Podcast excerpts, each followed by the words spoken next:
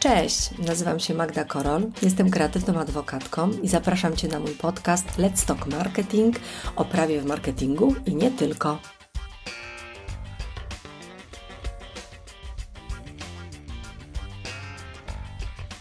O czym dziś Ci opowiem?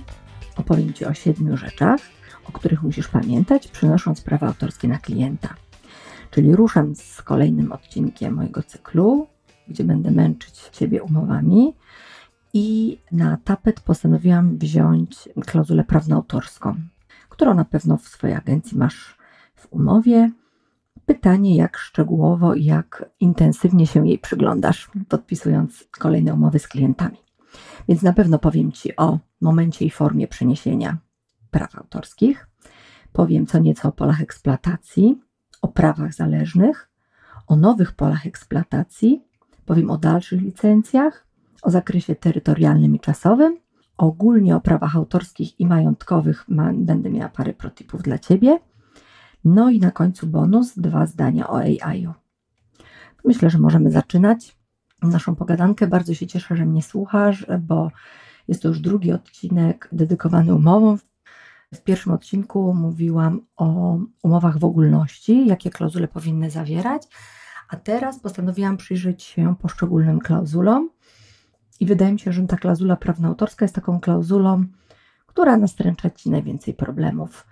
Albo może po prostu czasami nie wiesz, że może ci nastręczać, albo że sprawić ci problem, jeżeli pewne uregulowania nie zadbasz. Więc podpisujesz umowę z klientem, no i teraz tak naprawdę warto się przyjrzeć temu, co ty tak naprawdę przekazujesz. Więc na samym początku takiej klauzuli prawnoautorskiej zawsze jest ten moment przeniesienia praw autorskich. Zwracałam już na to uwagę wielokrotnie, że z punktu widzenia agencji tym momentem właściwym do przeniesienia nie powinien być jednak moment przekazania danych utworów, danych treści autorskich, tylko moment zapłaty ceny, zapłaty wynagrodzenia przez klienta. Dlatego, że to niejako blokuje tego klienta przed używaniem swobodnym tego kontentu, tych treści, za które de facto nie zapłacił.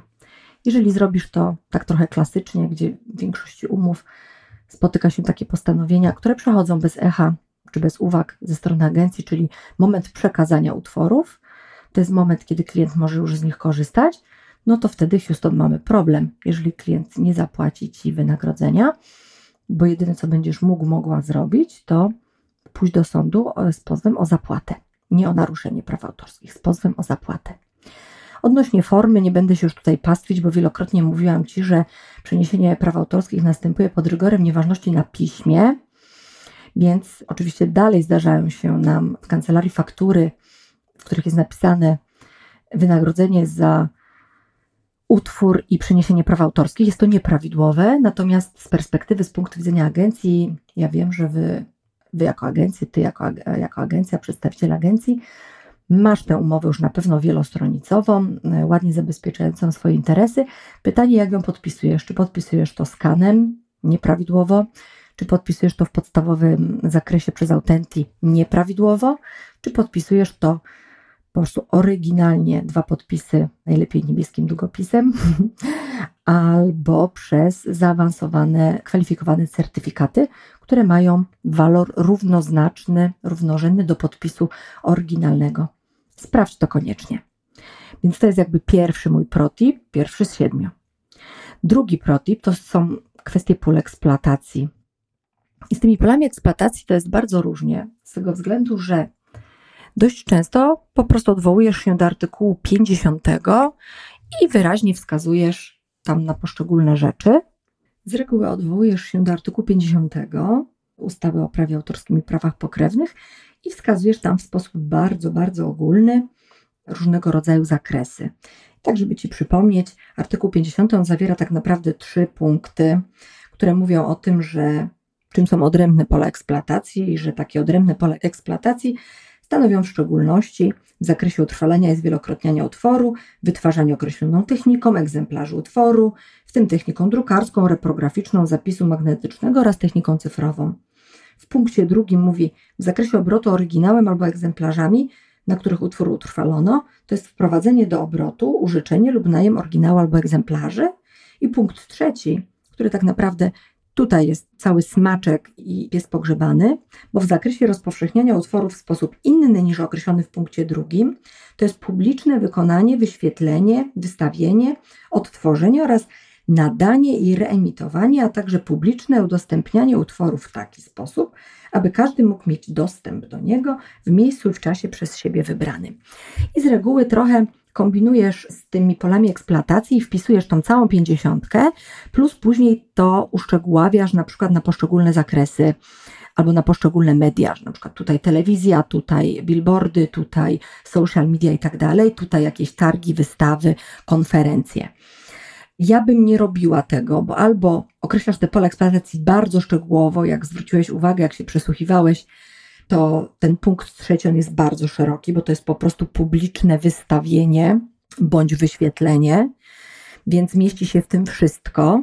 Więc jeżeli chcesz w ten sposób określać te pola eksploatacji dla klienta, to zamknij ten katalog w tym punkcie trzecim, poprzez wskazanie, gdzie konkretnie będzie to wyświetlać i jak będzie to konkretnie wyświetlać. Jeżeli zostawisz takie gołe, że tak powiem, postanowienie bez żadnego uszczególnienia, a zrobisz takie uszczególnienie w kolejnych punktach, paragrafach tej klauzuli prawnoautorskiej, to może się okazać, że klient zrozumie je w taki sposób, że ma na maksa szerokie uprawnienia na korzystanie z tego przygotowanego przez ciebie kontentu. Więc albo jeżeli posiłkujesz się pięćdziesiątką przy tworzeniu pola eksploatacji, to weź je proszę cię zawęż, albo w ogóle stwórz swoje pola eksploatacji. Przecież to nie jest wcale powiedziane, że to musi być napisane takim turboprawniczym językiem. To pola eksploatacji to nic innego jak zakresy, na które umówiłeś się z klientem, że on będzie mógł pokazywać Twój utwór w danych, a nie innych mediach, zakresach i tak. Więc polecam trochę kreatywności, ale też tak, takiego zdroworozsądkowego myślenia, bo nie warto tak szeroko się sprzedawać, powiem dosadnie. To, co również ma znaczenie, to kolejny mój protip, to te nowe pola eksploatacji. Czyli musisz pamiętać, że umawiając się z klientem na tu i teraz, umawiać się na konkretne rzeczy. Czyli na przykład umawiasz się, że stworzysz kampanię na socjale i wskazujecie te socjale, że to jest Facebook, Instagram, LinkedIn i na przykład TikTok. No ale za pół roku, załóżmy, okazuje się, że powstaje jakiś nowy socjal, powstaje nowe medium, które święci triumfy i po prostu jest top 3, jak nie top 1. No i klient jednak chciałby rozszerzyć sobie ten zakres, nie wiem, udzielonej licencji na przykład albo przeniesionych praw autorskich przez ciebie, no a te pola eksploatacji są no nieubłagane. I w takiej sytuacji warto zawrzeć taką klauzulę, co się dzieje, jeżeli pojawi się takie nowe pole eksploatacji nieznane stronom w chwili podpisania umowy. I należy się za takie nowe pole eksploatacji e, wynagrodzenie, czy nie? No bo nie mamy wątpliwości co do tego, że zgłasza się do ciebie klient i mówi: Słuchaj, ja potrzebuję to nowe pole eksploatacji. No ale tak naprawdę to będzie nowe pole eksploatacji za wynagrodzeniem dodatkowym dla agencji, do czego Cię zachęcam. Warto to absolutnie uregulować. Jeżeli chodzi z kolei o kolejną, czwartą z siedmiu wskazanych przeze mnie kwestie, to są to prawa zależne. Bardzo często zapominasz o tym, że tę treść, ten utwór, który przekazujesz, to on tak naprawdę jest pewnego rodzaju zamkniętą całością. Oczywiście zdarzają się przypadki, że przekazujesz pliki edytowalne i klient sobie może robić z tym, co chce. No ale właśnie, czy co chce? Jeżeli nie przewidzisz tego w klauzuli, że klient ma możliwość ingerencji w ten utwór przekazany przez ciebie, no to on jej po prostu nie ma. Więc warto o to zadbać, żeby nie generować później jakichś nieprzyjemności w relacji z klientem, no bo poza tym też kwestia, w jakim zakresie klient może sobie baraszkować, że tak powiem, w tym przesłanym przez ciebie pliku. Czy on może zmienić tylko kolor na przykład, czy zrobić z kolorowego zdjęcia na przykład czarno-białe, czy może zrobić jakiś kolaż, czy może wyciąć fragment jakiejś większej całości i to wykorzystać, czy może nanieść na to jakieś swoje dowolne napisy. Wszystko to powinno zostać uregulowane w umowie pod hasłem prawa zależne, czyli przeróbki, adaptacje, również tłumaczenia, na przykład na język obcy. Więc to jest mój kolejny protip dla Ciebie, o czym warto pamiętać, co warto zawrzeć w takiej klauzuli prawnoautorskiej. To, co ma również niebagatelne znaczenie, to tak zwane dalsze licencje, bo w zależności od tego, czy przekazujesz klientowi prawa autorskie, czy udzielasz mu licencji, i tutaj uwaga, wspominałam o tym już wielokrotnie, ale przypomnę raz jeszcze, nie możesz przenieść więcej praw niż sam posiadasz. Więc jeżeli pracujesz na licencji, możesz przekazać praw autorskich do materiałów, na które ty masz tylko licencję. To jest chyba logiczne, ale jak widać nie zawsze. Przynajmniej z praktyki mojej wynika, że to jest nie zawsze. Natomiast jeżeli chodzi o dalsze licencje, to tak jak dalsze zgody na rozpowszechnianie wizerunku, o wizerunku będę mówiła niezależnie, to jest sytuacja, w której ty pozwalasz klientowi, żeby klient na przykład udzielił dalszej licencji, na przykład do swojej spółki córki albo do jakichś swoich partnerów firmowych. I też należy do tego podchodzić z rozwagą, żeby ten utwór, za który ktoś zapłacił pojedynczą cenę, nie hulał pomiędzy pięcioma podmiotami, na przykład w grupie. Albo jeżeli będzie hulał, to też warto przewidzieć odpowiednią dla tego cenę. Podobnie jest z kolejnym, szóstym już protipem, szóstą wskazówką, mianowicie z zakresem terytorialnym i czasowym. O ile zakres czasowy strony sobie uzgadniają i najczęściej pamiętasz o tym, żeby jednak zawrzeć tą licencję na dwa, trzy czy ile lat potrzeba, to jednak ten zakres terytorialny jest troszeczkę pomijany, no bo internet jest międzynarodowy, no i teraz wrzucimy coś w internet, no i teraz, ale jak to? Natomiast ważne, żeby jednak zapisywać, że kampania ma być realizowana na rynku polskim, przecież da się to uregulować, a kampania, która miałaby wejść na inne kraje Unii Europejskiej bądź świata, no po, powinna podlegać odrębnej wycenie. Nie uważasz? Ja tak uważam. Jeżeli chodzi o ostatnią rzecz, ostatnią kwestię, o której warto pamiętać w takiej klauzuli, to warto, żebyś pamiętał o tym, że prawa autorskie dzielą się na prawa osobiste i majątkowe. Jak to kiedyś ładnie ktoś powiedział, prawami majątkowymi kupczymy, czyli handlujemy, zbywamy, przekazujemy, bierzemy za nie wynagrodzenie, no ale co z prawami osobistymi twórcy, który stworzył daną treść, dany utwór?